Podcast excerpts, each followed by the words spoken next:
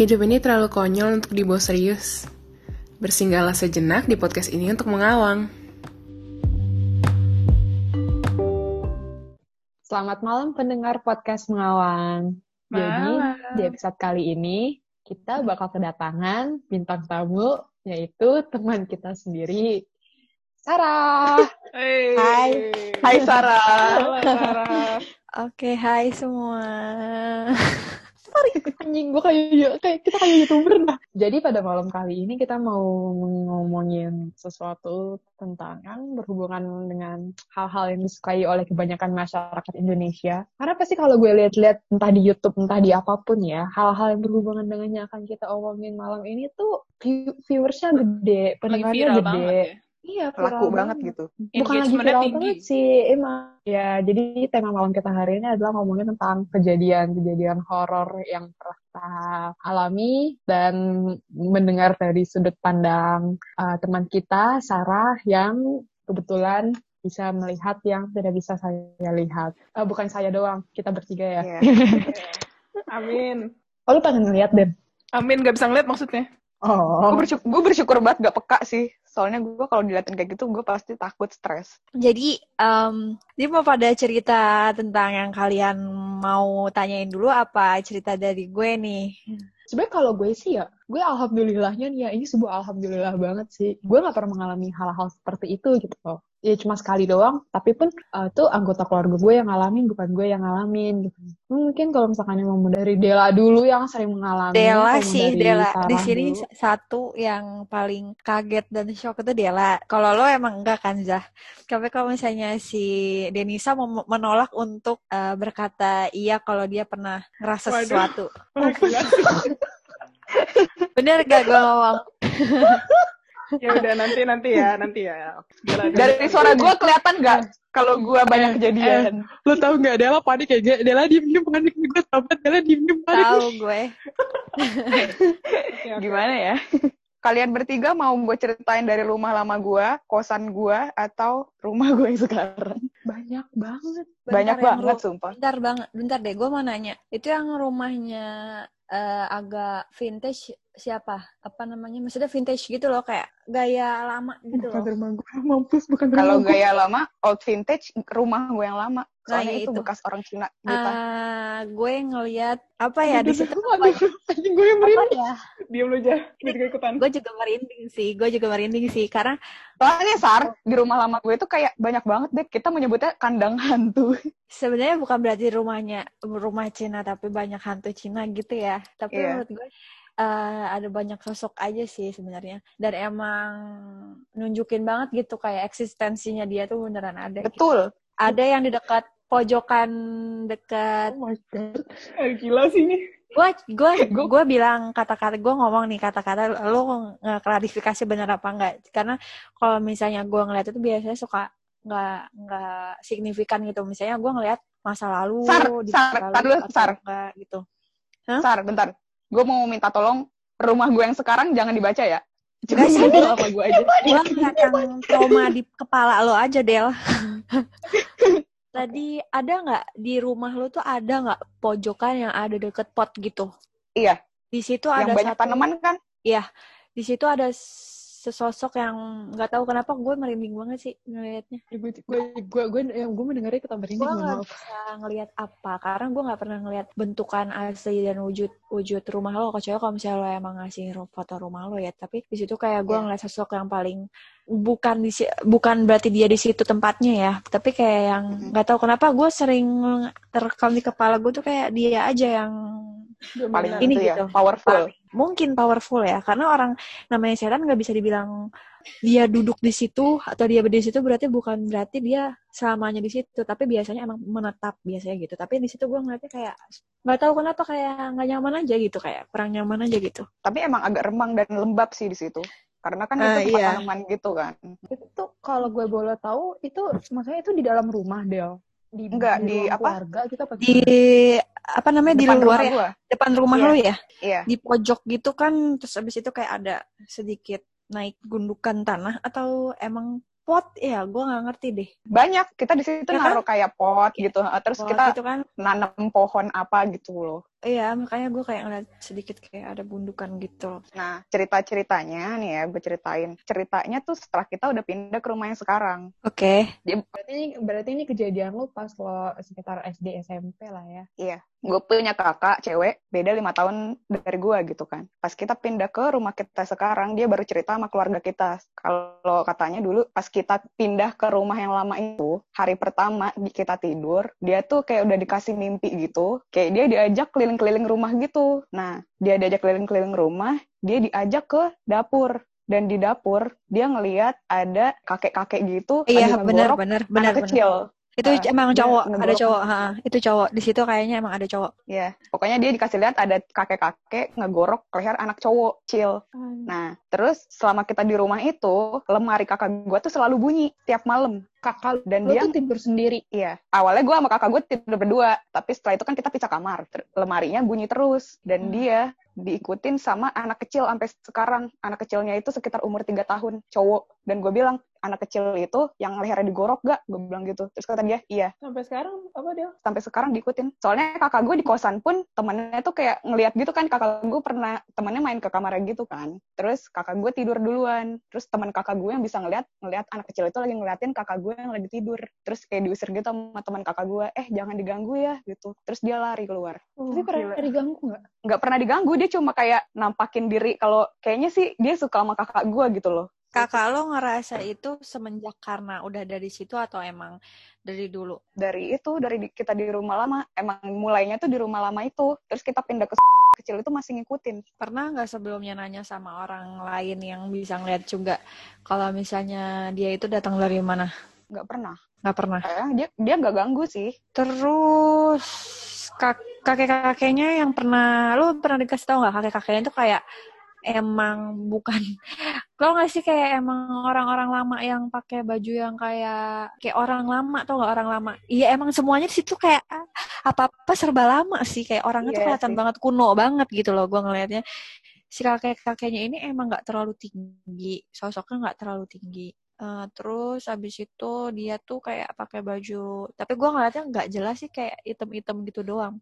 Gue sih nggak paham ya gue nggak begitu ngeliat bahwa ini si anak kecil itu dari emang dari dibawa dari rumah itu apa enggak tapi yang jelas kayaknya emang dia udah lama juga gitu loh sama kakak lu gitu. Emang dia ikut ngintil gitu kayak ya Iya. udah gitu kayak ngintil aja gitu. Tapi nggak nggak ganggu sih ya sebenarnya. Cuma kakak lo sendiri lebih merasa ah enggak orang gua nggak begitu terlalu maksudnya nggak terlalu dihantui setiap saat gitu loh sama dia ya enggak Iya, dia kayak biasa aja gitu sih. kayak ya terus udah gitu kakak lo juga kayak yang ya udahlah mau gimana lagi gitu kayak nggak jauh kalau kalau kalau ditanya lo sama dia lo penakut banget kalau dia nggak begitu sepenakut itu gitu Iya. Betul sih. itu kalau gue ngeliat dari keseluruhan dia tuh kayak hitam gitu loh kan biasa kan ada setan kan yang eh, wujudnya tuh kayak ti gitu kalau dia tuh cuma hitam doang gitu nggak kelihatan bentuk aslinya kayak gimana karena gue nggak pernah ngeliat rumahnya juga wah itu intinya Iya. Terus ada juga yang pernah menyerupai kakak gua. Kakak gue yang ini juga, abang gue yang ngeliat waktu dia lagi sendirian di rumah di atas lantai atas lantai dua. Dia lagi keluar kamar gitu kan. Terus keluar kamar apa baru naik tangga, dia tangga gue juga serem sih. Pas dia lagi naik tangga atau keluar kamar, dia papasan sama yang mirip sama kakak gue. Dia pakai baju katanya pakai baju putih, coraknya itu garis-garis merah, tapi nunduk gitu kayak rambutnya tuh kayak ter, ter apa ya kayak nunduk gitu loh. Terus Hmm. ditanya abang gue, nih mau ke mana gitu kan? Dia nggak jawab. Terus abang gue ya udah langsung masuk kamar aja. Tahu-tahu pas dia telepon kakak gue itu, kakak gue lagi sekolah. Kita emang lagi sekolah. Itu Iya, kam- Kejadian itu kamar kayak itu nggak sih? kayak apa Sorry, sorry. Kayak apa? Kayak yang pernah lo lihat di sekolah nggak sih, Sar? Iya, iya. Cuma gue lebih serem. Oke. Sebenarnya dia juga serem, cuma gue lebih serem gitu kayak pasti orang yang beneran normal kayak yang kalau digituin banget juga kayak pingsan suatu saat eh saat itu juga gitu. Itu yang, uh, Mm-mm. yang yang yang lo lihat di sekolah yang menyerupai kakak kelas kita pas lagi tes itu tuh lebih serem daripada yang dilihat abangnya Dewa. Hmm, kalau abangnya dia tuh kayak yang iya dia nggak nggak nyangka itu bakalan itu adalah setan gitu maksudnya. Jadi nggak begitu shock gitu loh, cuma ya udah gitu kayak ngeliat dan emang kayak semasa kelebatan gitu loh, mau ke mana lo gitu kayak kayak gitu. Kakak lo tuh yang ini ya, rambutnya ter- nggak terlalu panjang ya? Iya.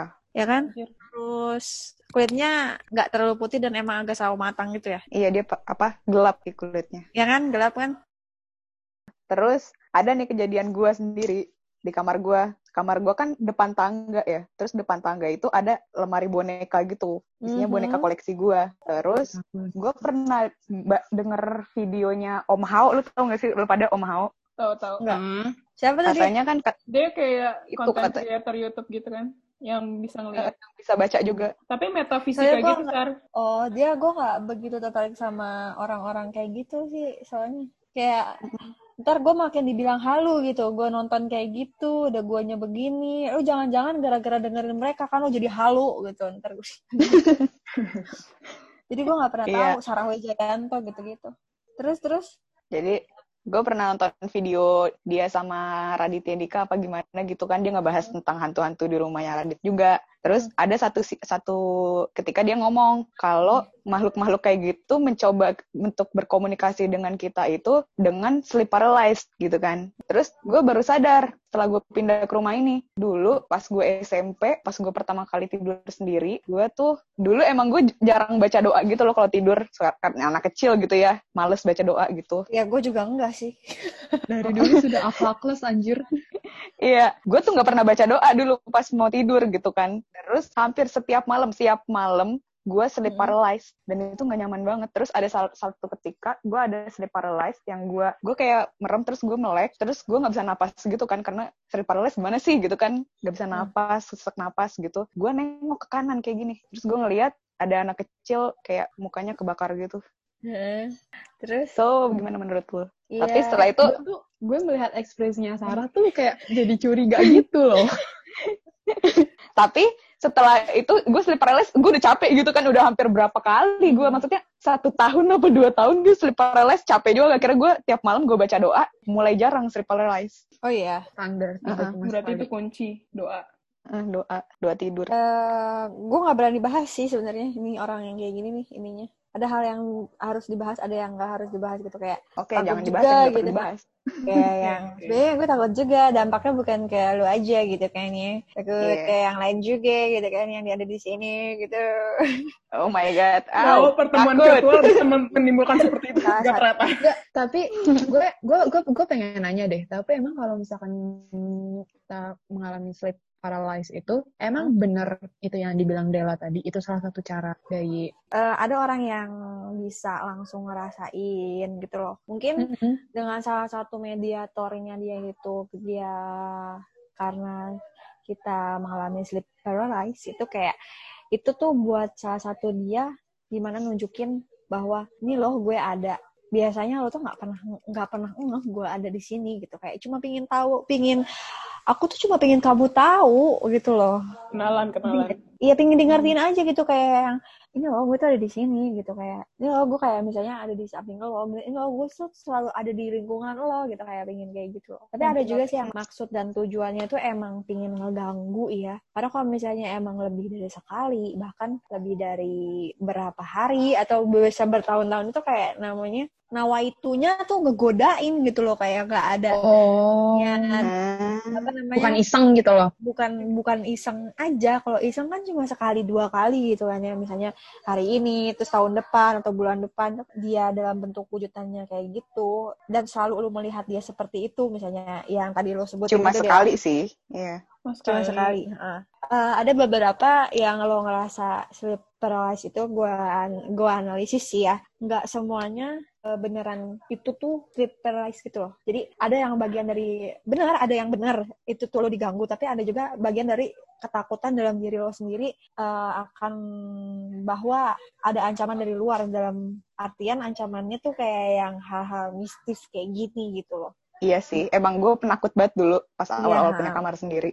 Terus eh, karena kalau kakak-kakak lo ini walaupun tergolongnya sering juga karena jarang ya orang ada yang dilihatin beberapa kali gitu. Tapi kakak-kakak lo ini lebih sering ke arah ya biasa aja gitu, nggak terlalu dihantuin banget gitu loh, nggak terlalu ditunjukin banget. Kalau lo ini emang banyak. Kalau orang aura tuh coklat gitu loh. gue auranya apa itu kalau misalnya lagi ngomong kalau misalnya lo lagi kayak ngerasa tertekan lo ngerasa banyak ini tuh kayak ketakutan kayak gini tuh kayak lo tuh sebenarnya lo sekarang lagi nggak begitu ketakutan sih karena kayak ya Hmm. udahlah enjoyin aja gitu kan terus kalau misalnya Yoi. lo lagi ketakutan nih atau lagi apa gue ngeliatnya lo tuh sering banget kayak coklat gitu loh auranya ini tuh kayak coklat keitaman gue nggak tahu sih kenapa semua orang yang ketakutan bukan ketakutan hanya dalam hal mistis aja tapi ketakutan dalam misalnya lagi di kelas ada dosen gitu-gitu biasanya suka jadi coklat gitu semuanya nggak tahu kenapa auranya langsung coklat Terus kalau Kayak coklat gitu ke apa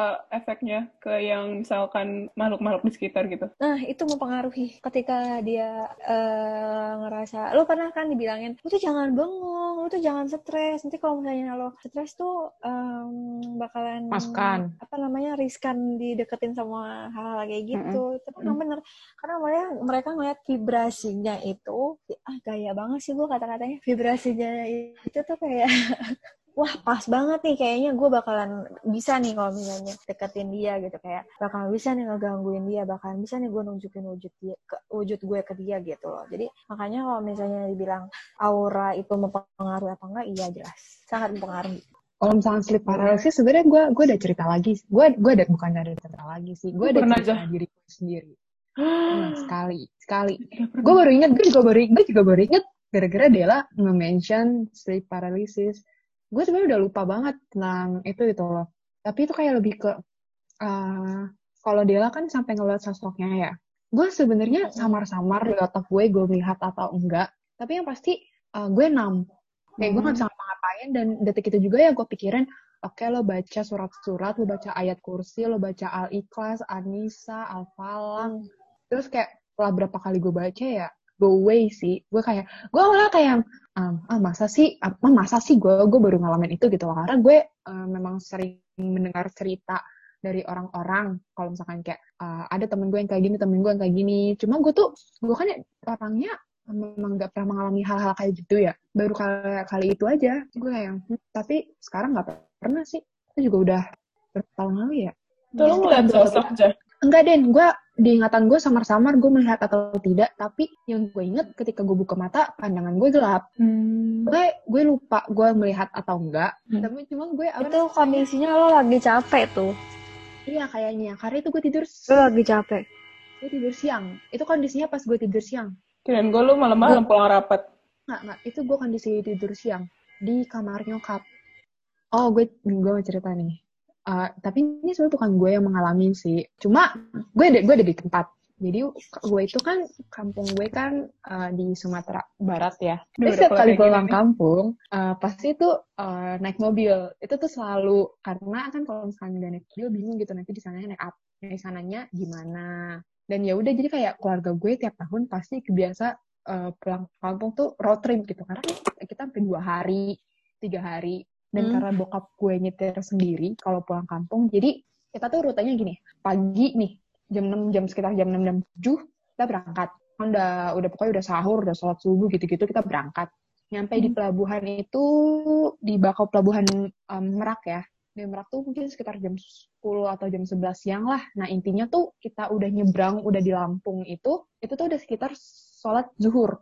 Nah, jadi kan nyampe nyam, jam sekitar pas jam-jam buka puasa jam 6 jam 7 itu gue itu udah nyampe di salah satu kota di Lampung yang hampir perbatasan sama Sumatera Selatan itu di malam Mm-mm. pertama jadi karena bokap gue yang nyetir sendiri eh, kita memutuskan untuk nginep gitu loh nah Hmm. eh, terus besokannya nih besokannya itu kan eh, pokoknya eh, jalanan Sumatera itu oh eh, gue lupa bilang gue nggak lewat lintas timur gue nggak lewat kota-kota gede kayak Palembang lewat kota kota utamanya Lampung gitu. Gue nggak lewat Palembang, jadi gue nggak lewat jalanan yang rame. Jadi gue lewat yang jalanan cenderung sepi gitu loh. sepi Eh, itu namanya lintas tengah. Jadi kalau kalau misalkan lintas tengah itu dia gue langsung nyampe ke Sumatera Barat. Soalnya kalau gue lintas timur, gue mesti muter dulu melewati Jambi gitu-gitu. Kalau lintas barat, itu tuh kayak ke Bengkulu gitu-gitu. Dan jadi jadi gue itu di jam-jam 6 lah, di jam-jam 6 atau di jam-jam 7 nyampe lagi di salah satu kota. Nama kotanya tuh, tuh Lubuk Linggau. Jadi emang gue melewati kota Oh, Kota Lubuk Linggau. eh, ya kota kota Lubuk Linggau lo tau Del Tahu. Iya gue tuh Namanya. nah terus Uh, nah, di kota Lubuk Linggau itu kan banyak hotel sebenarnya. Cuma gue lupa deh, kayaknya waktu itu tuh kita baru pertama kali melakukan rute seperti itu, yang berangkat pagi gitu-gitu. Jadi waktu itu kan bingung gitu loh, mau nginep di mana. Karena kalau misalkan mau langsung nyampe ke Padang pun, jalan langsung jalanan dari Lubuk Linggau sampai ke kampung gue itu, itu tuh sebenarnya udah bukan jalan yang jelek lagi, jalanan bagus. Cuma sepi, cenderung sepi. Dan kalau malam tuh serem. Kalau Sumatera itu kan bukan serem, bukan serem karena mistis atau apa ya. Serem dibegal gitu loh. Iya begal. Serem dibegal. Jadi pun gue gue gue di gue di sana pun orang-orang waktu gue sholat maghrib di masjid sekitar sana pun orang penduduk penduduk asli sana pun bilang e, kalau malam-malam mendingan gak usah. Nah gue lupa ini kejadiannya kayak mungkin empat atau lima tahun yang lalu pokoknya udah lama banget intinya sekitar sekitar segitulah. Adik gue itu nunjuk satu hotel di samping pom bensin. Hotelnya gede hotelnya lumayan gede. Cuma kayak bangunan memang kayak bangunan lama. Terus adik gue uh, karena ya karena kita bener-bener nggak ada jatuhnya gimana ya clueless gitu loh tentang tentang kota itu. Jadi uh, ya udah nyokap gue langsung ya udahlah kita nginep di sini aja. Toh cuma buat toh cuma buat tidur mandi gitu-gitu doang gitu loh. Nah terus pas jadi sama nyokap gue itu uh, dia dibawa dulu sama orang hotelnya mau ngeliat gitu kan kamar yang mana. Nah sempet dikasih kamar yang pojok gitu.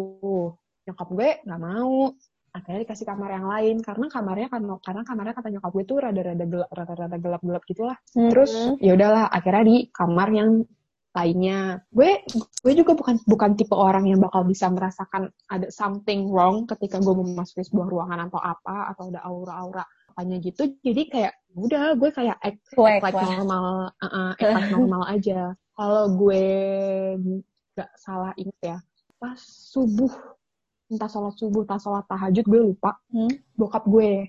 Jadi di dalam kamar itu ada lukisan gede banget. Gue lupa tuh lukisannya. Lukisannya lukisan apa, gue lupa banget uh, perempuan gue tuh kan sumpah lupa sar gue lupa gue lupa serius gue lupa hmm. gue nggak gue gue nggak begitu merhatiin ruangannya karena yang ada di pikiran gue gue capek gue pulang kampung capek naik mobil gue pengen tidur gitu loh yeah. nah jadi di kamar itu ada dua kasur nyokap nyokap gue tuh nyokap gue tuh tidur pas bokap gue lagi kelar tahajud lagi ngaji lagi ngaji lukisannya jatuh suddenly jatuh gitu loh. Sebenarnya nah nyokap gue bilang mama tuh sebenarnya bangun tapi mama pura-pura tidur. Karena nyokap gue tuh bilang waktu mama masuk yuk intinya udah gak enak lah gitu. Hmm. terus kayak ya bokap gue ya bokap gue kayak act, act like nothing aja sama dia dibalikin lagi lukisannya gitu karena itu kan properti hotel ya.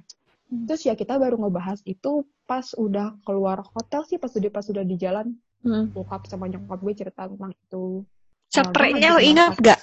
Astaga.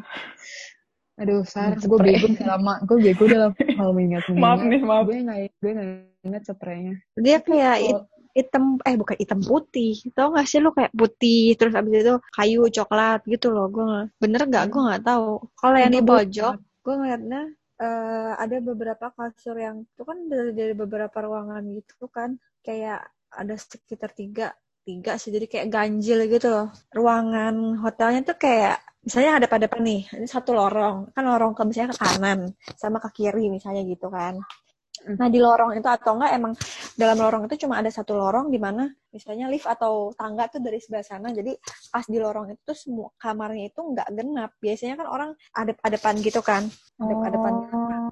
Ada satu yang beda, bukan beda sih. Emang yang di pojok yang yang paling sering tuh yang di pojok. Karena itu kayak ada king size gitu loh. Terus lukisannya tuh juga emang dipasang di setiap kamar, walaupun beda-beda. Iya coklat lagi. Lukisannya kayak nuansanya tuh kayak Bali-Bali itu kayak bukan nuansa Bali. Maksudnya lo ngerti gak sih kayak yang tua gitu loh? Iya iya iya iya iya. Tapi kalau gue nggak nyebut nama hotelnya lo bisa tahu nggak nama hotelnya apa Enggak lah. Hebat hmm. sekali Roy Kiyoshi pun nggak tahu lah. Nah gue gue tuh nggak pernah gara-gara kejadian itu gue nggak pernah nginep di situ lagi. Kan dia ya, tuh pakainya gue bener tuh. Dia tuh emang pakai selalu pakai lukisan gitu. Bukannya kamar hotel identik dengan lukisan ya? Enggak sih, Den. Biasanya tuh nggak selalu pakai lukisan, nggak harus. Paling nggak Tapi lukisan-lukisan kayak apa gitu? Apa, apa semua lukisan berpengaruh atau hanya yang bermotif tertentu doang? Enggak sih. Ini tuh lukisan ini tuh emang dari zaman dulu ya. Dan gue udah menyingkirkan. Gue punya lukisan kayak gini dan udah gue singkirkan, woy. Denisa?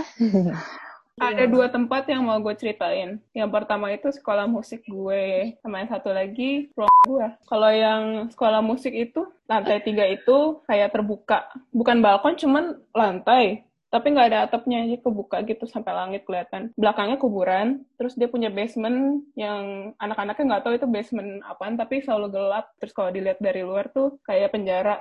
Terus nggak boleh ada akses ke bawah. Kosong. Nggak ada apa-apaan ya? nggak ada apa-apaan. Jadi di- kan? jadi dari luar itu kelihatan ada eh, jadi ada jendela kecil. Nah itu kelihatan ke dalam tapi kosong. Terus kalau dari dalam aksesnya ditutup. Terus di kola itu ada dua eh tiga tangga, tapi yang satu sama ke nomor dua itu ditutup. Yang satu itu yang buat ke basement, yang ada akses ke basement. Yang satu itu habis pintu masuk. Yang pertama gue siang-siang habis selesai les piano, habis gue dimarahin kan gue kayak tegang gitu kalau orang habis dimarahin. Tiba-tiba ada cewek pakai seragam sekolah gitu, teriak sambil lari-lari gitu, wah gitu kan. Kok kaget banget waktu itu. Dia nendang tempat sampah terus kayak cabut gitu. Kayaknya dia kesurupan. Cek kedua, gue orang, gue sama ade sepupu gue kan orangnya iseng banget terus suka nantangin gak jelas gitu. Di lantai dua tuh ada hal musik Bentar deh. yang cuma Itu dipakai. ada tangga ya? Ada tangga ya? Mm-mm. Ada tangga dan tangganya tuh nggak terlalu Dempet. Lu tahu tangganya 98 nggak? Tangganya 98 kan gede banget tuh. Iya. Rentang gininya ke, dari sini ke sini. Jadi buat anak banyak. Nah, kalau itu nggak terlalu banyak. Kayak paling sekitar buat dua orang atau tiga orang aja gitu. Jadi nggak terlalu besar gitu ya. Terus ada Kalau belokan di pojok itu nggak? Iya. Oh my god, bener. Nah, Tapi itu, Itu tangga yang selalu ditutup. Jadi orang tuh nah itu lewat situ cuman kalau mau konser doang. merinding gua merinding. Ada cewek di situ nggak tahu badannya gede banget. Wah, udah nggak usah ceritain. Enggak, gue pikir itu ditutup karena dia tuh suka buat orang kecil. Maksudnya bukan. Tangga itu saking curamnya itu suka ada yang jatuh. Dan kalau dibuka tuh cuma untuk special occasion doang. Kalau ada konser, kalau ada ujian. Biar orang tuh gampang akses kan. Mm-mm, di situ. Mhm. Gue ke lantai dua. Lantai dua itu ada auditorium musik. Foto kayak, apa sih namanya, musisi zaman dulu gitu lah. Mm-mm. gue sama adik sepupu gue suka banget ngeliat ke dalam gitu kan gini-gini. Ntar balik lagi ketawa-tawa, terus siapa lagi. Suatu saat matanya itu kayak ngelihat ke arah adik sepupu gue, terus dia cabut. Jadi abis itu, setelah itu ada kejadian lain yaitu setiap wisudaan eh, sekolah musik gue itu ada gamelan. Gamelannya itu nggak dari sekolah musik gue, cuman dia selalu dikirim dari Bali. Pas latihan, tiba-tiba ada burung terbang warna hitam dari backstage. Oh, terus dia nggak mau keluar keluar itu doang sih. Sebenarnya tuh nggak ada orang yang kayak berpengaruh banget hidup gue tuh nggak ada sebenarnya. Audit auditorium itu kayak segede gede banget sih. Agak gede sih Gede, gue bilang auditorium gede banget. Woi di mana itu? Udah kayak stasiun dong lo? Hmm, gede ya kan? Gede kan? Karena itu formal auditorium terbuka untuk umum Terus? itu juga. iya. Terus emang ada emang ruangannya tuh sering di lampunya digelapin gitu ya Den nggak bukan digelapin tapi emang sekolah musik ini kan dia aktifnya dari siang sampai malam. Nah di siang itu nggak pernah ada lampu yang dinyalain. Jadi lampu kelas itu nggak pernah dinyalain lampu lorong nggak pernah dinyalain karena kayak- kalau di kelas ada jendela. Kayak cuma cahaya matahari aja nggak sih bener. cahaya matahari? Mm-mm. Terus habis itu di mana itu sih yang tadi gua bilangin lo apa namanya ada lo ngintip-ngintip itu gua nggak tahu deh di antara kalian tuh ada yang ngeliat sesuatu sebenarnya kayaknya Mm-mm. iya jadi kayak lo tuh mau coba-coba kayak apa ya coba-coba gitu tapi itu kayak lo ngeliat sesuatu gua nggak tahu siapa yang ngeliat nih sebenarnya ada bayangan kayak ada anak kecil gitu loh Eh, pas iya kayaknya kayaknya gue pernah dengar anak kecil deh Iya di antara gue. kalian di antara kalian semua itu ada yang lihat bahwa eh kaget tiba-tiba ada anak kecil gitu loh. Pas lagi lo yang lagi gitu. Ha, cuma nggak tahu nggak antara lupa antara entah nggak peduli juga gitu loh. Ngerti gak sih? Yang tadi si dua itu sih gue ngeliatnya agak serem sih. Setan di pengkolan tangga sama satu lagi yang tadi yang tiba-tiba lu lagi pada ngeliat-liatan gitu terus habis itu ada yang lihat beneran anjir sebenarnya. Kayak sekilas itu kayak eh anak kecil gitu loh. Iya.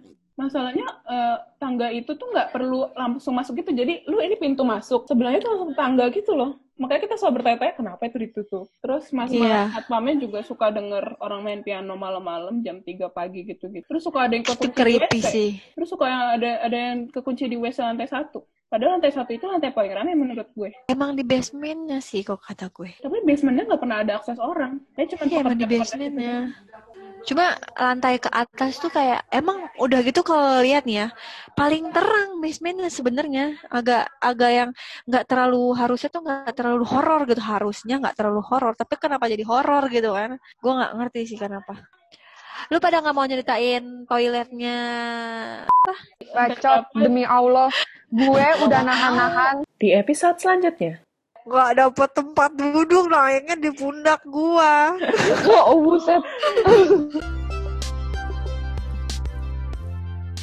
Terima kasih yang sudah dengerin episode ini sampai selesai. Podcast ini diupload di setiap hari Rabu ya. Sampai ketemu di episode selanjutnya.